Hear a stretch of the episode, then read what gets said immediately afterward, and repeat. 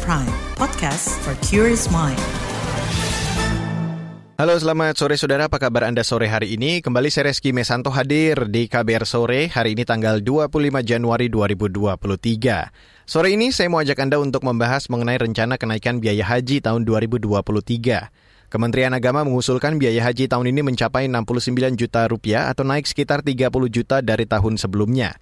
Kenaikan ini ditentang sejumlah kalangan. Namun pemerintah mengklaim kenaikan dilakukan untuk menjaga tata kelola dana haji di tahun berikutnya. Apa yang menyebabkan biaya haji naik signifikan dan apa solusi supaya tidak memberatkan jamaah? Kita bahas selengkapnya di KBR sore.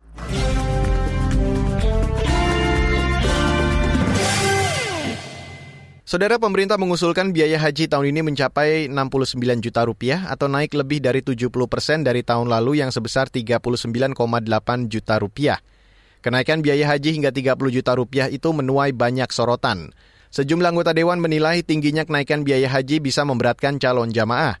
Presiden Joko Widodo memastikan kenaikan biaya haji itu belum final. Ia mengatakan usulan itu masih dikaji oleh pemerintah dan DPR. Biaya haji masih dalam proses kajian, itu belum final, belum final sudah rame. Masih dalam proses kajian, masih dalam proses kalkulasi. Itu tadi Presiden Joko Widodo. Rencana kenaikan biaya haji 2023 sebelumnya disampaikan Menteri Agama Yakut Kolil Komas saat rapat kerja dengan Komisi Agama DPR pekan lalu. Yakut mengatakan komponen biaya penyelenggaraan ibadah haji atau BPIH yang disusun pemerintah mencapai 98 juta rupiah. Dari angka itu biaya perjalanan ibadah haji yang dibebankan ke calon jamaah sebesar 69 juta rupiah atau 70 persen dari total BPIH. Sementara 30 persennya menggunakan nilai manfaat dana haji sebesar 29 juta rupiah. Nilai manfaat dana haji merupakan imbal hasil dari investasi dana haji yang disetorkan calon jamaah. Calon jamaah menyetorkan dana tabungan 25 juta rupiah untuk bisa mendapatkan antrean keberangkatan. Pada saat akan berangkat, calon jamaah harus melunasi biaya haji yang ditetapkan pemerintah dan DPR. Tahun ini, pemerintah mengubah skema presentase antara biaya haji calon jamaah dan penggunaan nilai manfaat sebesar 70 dibanding 30 persen. Pada tahun lalu, penggunaan nilai manfaat mencapai hampir 60 persen. Pemerintah mengusulkan biaya rata-rata besaran BPIH tahun 2023 sebesar 69.193.733,6 sen rupiah yang terdiri dari pertama biaya penerbangan dari embarkasi ke Arab Saudi. Ini menjadi besaran yang paling besar Rp33.979.784 rupiah. Yang kedua akomodasi di Mekah Rp18.768.000 rupiah, akomodasi di Madinah Rp5.601.840 rupiah, living cost Rp4.080.000 rupiah, visa Rp1.224.000 rupiah, dan paket layanan masa air Rp5.540.109,6 sen rupiah.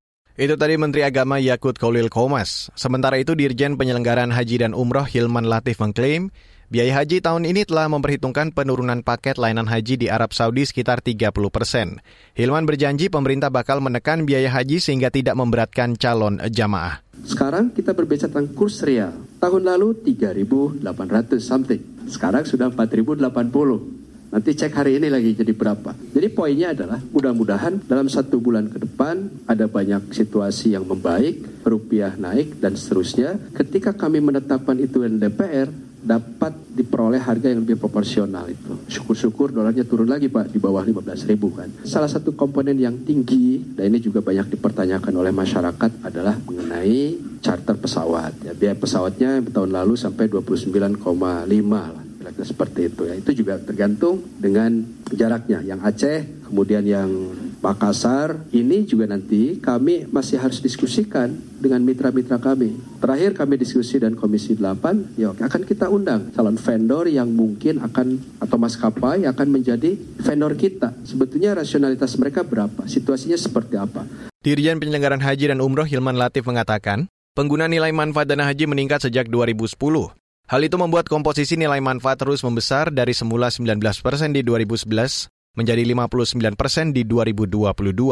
Menurut Hilman Latif, kondisi itu sudah tidak normal dan harus disikapi dengan bijak.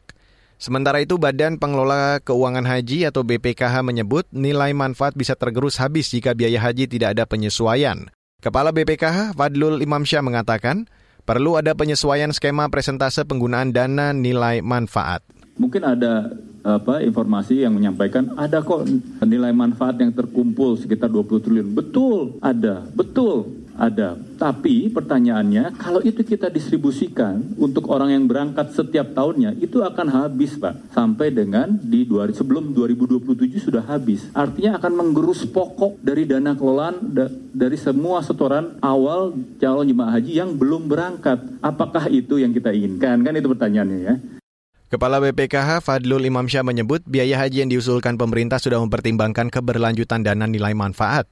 Fadlul membantah jika disebut salah dalam pengelolaan dana haji. Dia mengatakan mayoritas dana diinvestasikan di surat berharga syariah negara, sekitar 30 persen lainnya ditempatkan di deposito perbankan syariah. Apa yang disampaikan oleh Kementerian Agama sangat masuk akal sekali dan sudah memperhitungkan segala macam resiko dan utamanya bukan resiko secara sosial ya Pak ya, tapi sebenarnya resikonya ini justru kita ini yang disebut sebagai mitigasi resiko. Kita sudah perhitungkan, Kementerian Agama sudah diperhitungkan dari awal sesuai dengan kemampuan dari masing-masing calon jemaah haji. Bahwa kemudian nanti ada diskusi dengan panja gitu bahwa itu nanti akan menuju ke mana ya kita silahkan kita siap pada prinsipnya berapapun itu bahasanya ya tapi mohon untuk dapat dipertimbangkan permasalahan supaya tidak menggerus dana dari calon jemaah haji yang akan berangkat di tahun-tahun ke depan. Saya rasa dana haji prudent ya? Prudent, insya Allah prudent Pak. Gak ada masalah. Itu tadi Kepala BPKH Fadlul Imam Syah. Dan setelah jeda akan kami hadirkan laporan khas KBR yang akan membahas mengenai pengawasan kesehatan calon jamaah haji 2023. You're listening to KBR Pride, podcast for curious mind. Enjoy!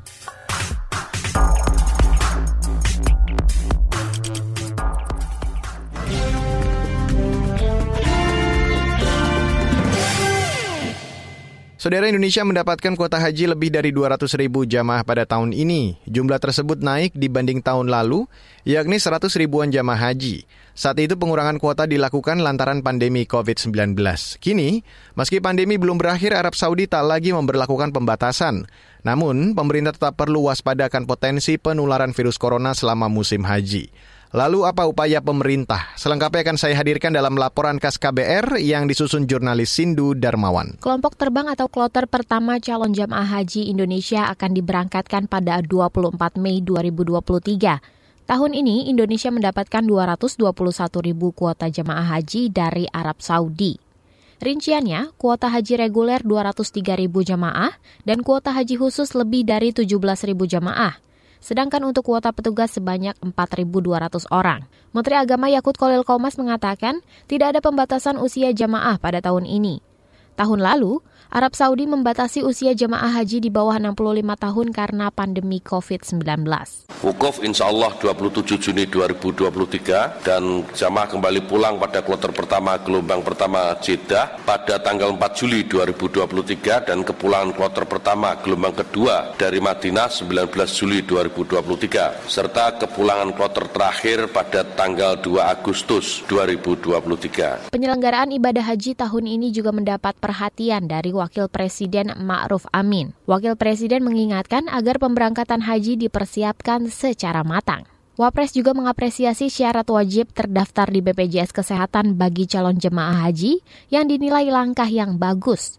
Syarat itu sebelumnya diterapkan untuk calon jamaah umroh dan haji khusus. Karena itu kita sekarang sudah harus menyiapkan diri untuk memberangkatkan jamaah sejumlah paling tidak ya 200 10 itu sesuai dengan kuota. Bahkan bisa mungkin lebih. Itu menyangkut masalah uh, penanganan haji itu bukan masalah gampang ya. Dan kemudian juga tentu penetapan ongkosnya.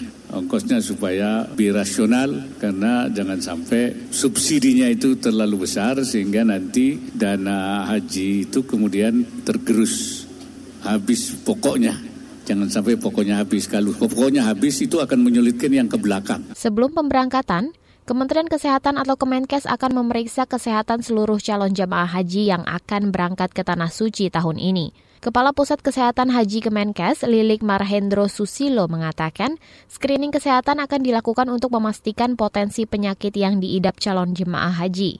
Nantinya, Proses pembinaan akan dilakukan bagi para calon jamaah haji yang diketahui memiliki penyakit penyerta atau komorbid. Nanti kita akan lakukan pembinaan kesehatan lebih intens fokus kepada penyakit mereka supaya mereka nanti pada saat melaksanakan ibadahnya bisa mampu sedapat mungkin dia bisa mandiri dalam pelaksanaannya, tidak mengganggu jemaah yang lain. Jadi artinya bahwa yang kita persiapkan adalah melakukan promosi kesehatan secara intens. Lilik Marhendro Susilo mengatakan, Kemenkes akan berkoordinasi dengan seluruh dinas kesehatan di kabupaten dan kota. Dinkes daerah akan terjun langsung untuk melakukan pembinaan kesehatan kepada jamaah yang akan berangkat di tahun ini. Kalangan wakil rakyat di DPR mendukung pengetatan pemeriksaan kesehatan untuk pelaksanaan haji 2023. Menurut anggota DPR Komisi Agama Maman Imanul Haq, tantangan pemberangkatan haji tahun ini berbeda karena jumlahnya sudah kembali normal. Selain itu, calon jamaah didominasi warga lanjut usia. Nah, oleh sebab itu menurut saya yang perlu diperkuat itu adalah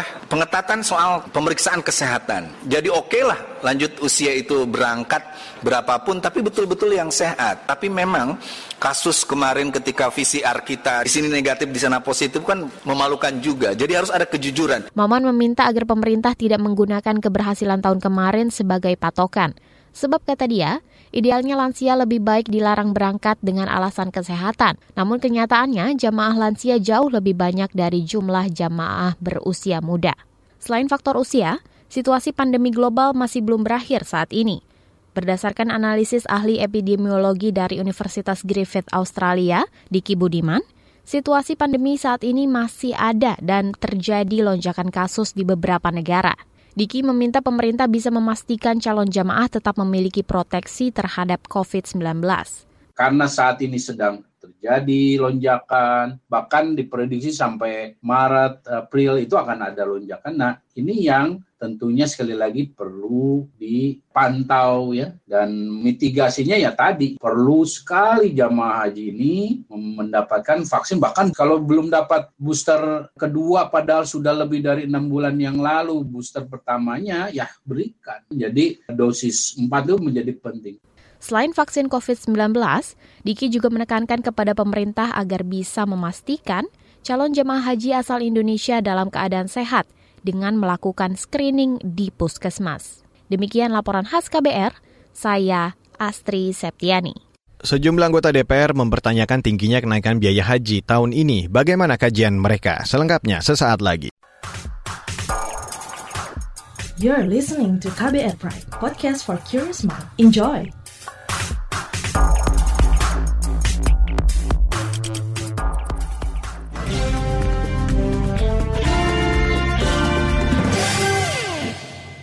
Saudara sejumlah anggota DPR menyoroti tingginya kenaikan biaya haji tahun ini. Anggota Komisi Bidang Agama di DPR, Iskan Kolbalubis, mengatakan, pemerintah seharusnya bisa menekan komponen biaya yang memberatkan seperti penerbangan.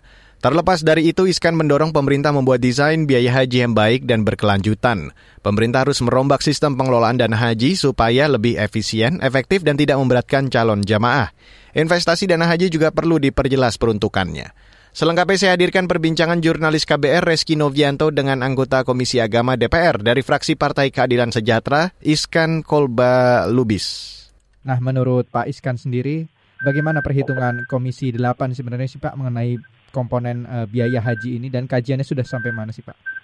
Sebetulnya ke depannya kalau Kementerian Agama mau mau aman dan pruden ya hmm. harus dirombak semuanya sistem pengelolaan haji, sistem pembiayaan haji, semuanya harus dirombak. Lebih pingin uh, yang prudent. Dan badan pengelola keuangan haji ke depannya harus dikasih modal oleh negara. Kalau enggak, kan biaya operasionalnya kan diambil dari dana haji.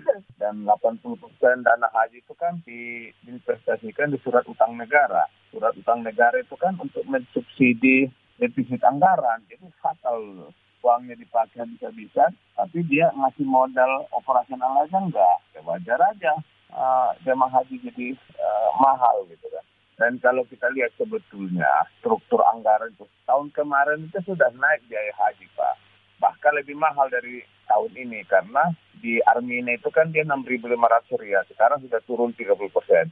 Kok dia mengusulkan lebih banyak sekarang? Jadi itu skemanya itu, kalau kemarin itu memang dia sudah dia subsidi habis-habisan jemaah haji. Karena kan pemerintah Saudi menaikkan harga, Menteri Agama sudah mengumumkan. Jadi gengsi dia nggak mungkin menarik lagi dari jemaah haji. Jadi itu kerugian dan defisit yang terjadi tahun kemarin, dia ingin ganti tahun ini. Ini kan tidak tidak normal itu.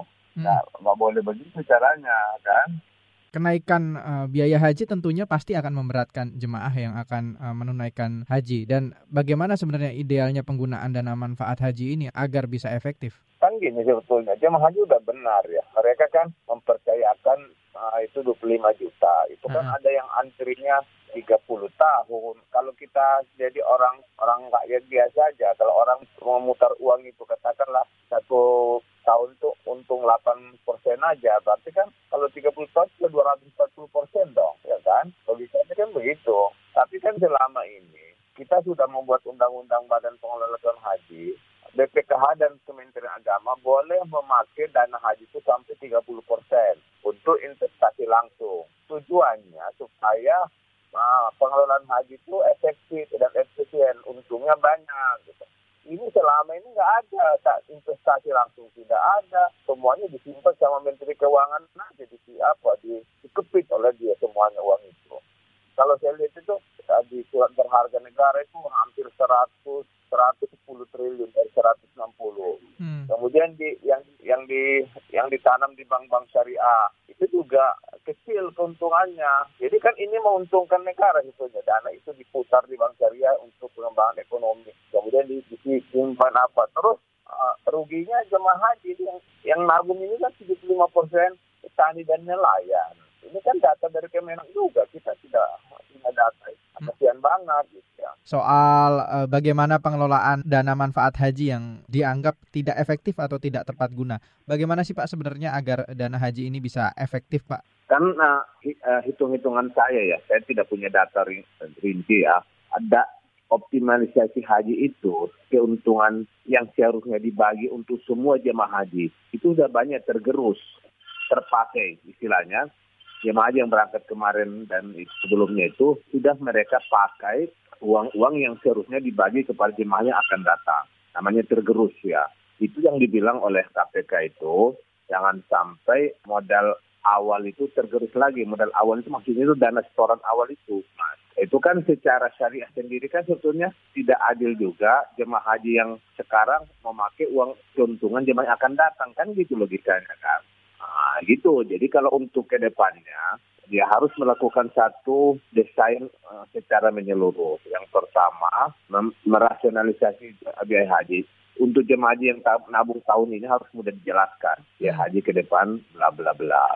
Terus yang kedua juga harus juga mengurangi uh, yang disebut dengan monopoli di dalam pola haji. Selama ini kan uh, Garuda yang monopoli, tidak bersaing, harganya sangat mahal, nggak mau turun sama sekali. Dan itu kan sudah temuan KPK sekarang katanya pemberangkatan itu ada ada dugaan gitu. Itu pemberangkatan kan artinya kan penerbangan kan itu harus di di, di, apa namanya di, di diberesin nah, supaya biayanya jangan jangan ada dugaan markup lah Baru yang ke depan itu uh, sistem pengelolaan haji ini tidak boleh lagi harus mengikuti undang-undang. Karena selama ini kan disetorin ke surat utang semua. Itu nggak efisien nah, apanya? Untuk apa? Mendingan orang tahu usah nabung dong. Orang biarin aja deh. Masing-masing mengubah uang dia nanti diumumkan tahun ini dia sekian siapa yang apa gitu kan. Jadi nggak efisien juga. Semuanya diambil oleh Kementerian Keuangan ya kan? Nah, itu ke depan harus nggak boleh semua begitu. Saudara itu tadi anggota Komisi Agama DPR RI, Iskan Kolbalubis. Kenaikan biaya haji tahun ini juga dinilai tidak rasional. Pemerintah diminta lebih matang mengukur kenaikan biaya supaya tidak memberatkan calon jemaah. Selengkapnya sesaat lagi. You're listening to KBR Pride, podcast for curious mind. Enjoy!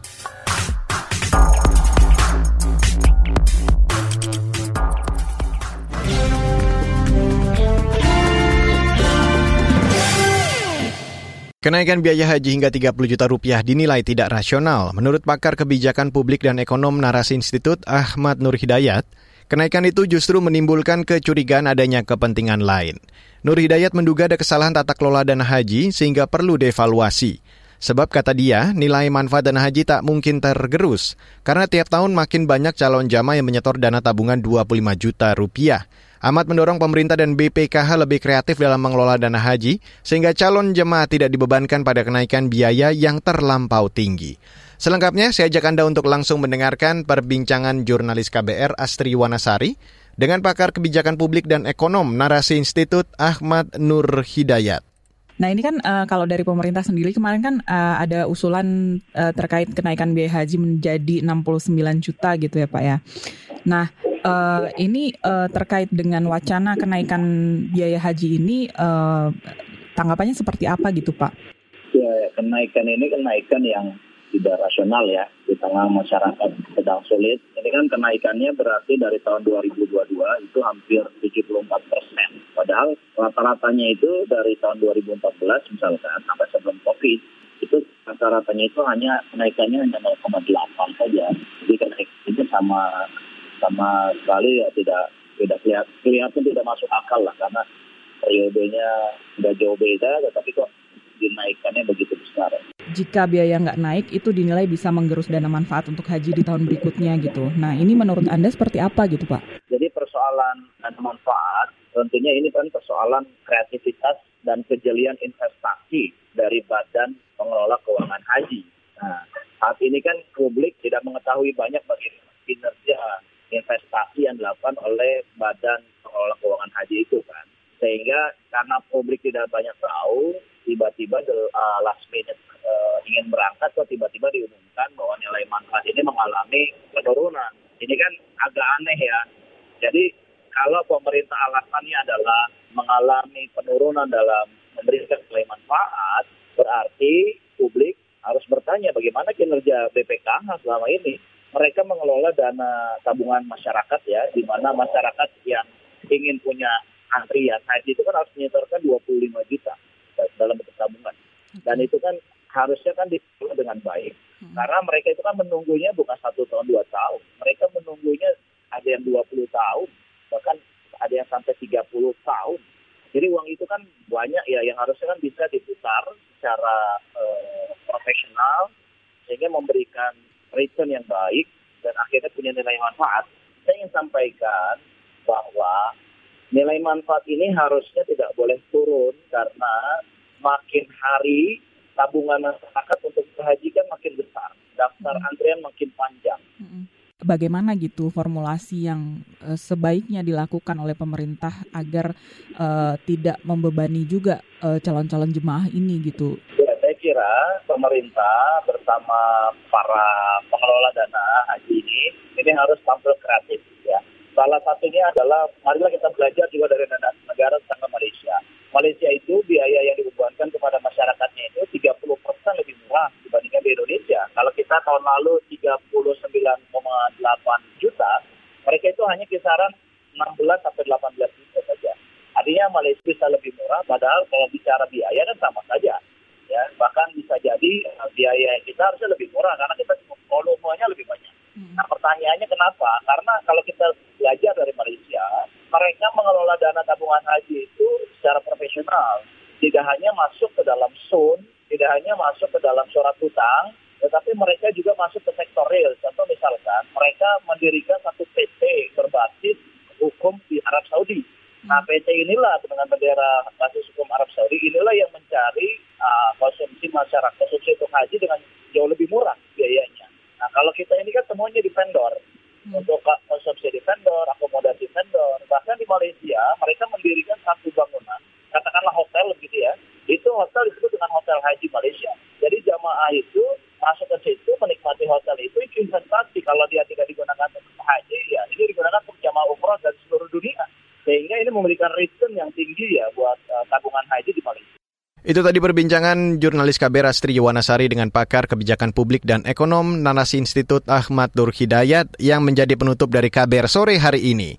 Dan mewakili tim redaksi yang bertugas sore hari ini saya Reski Mesanto undur diri. Salam.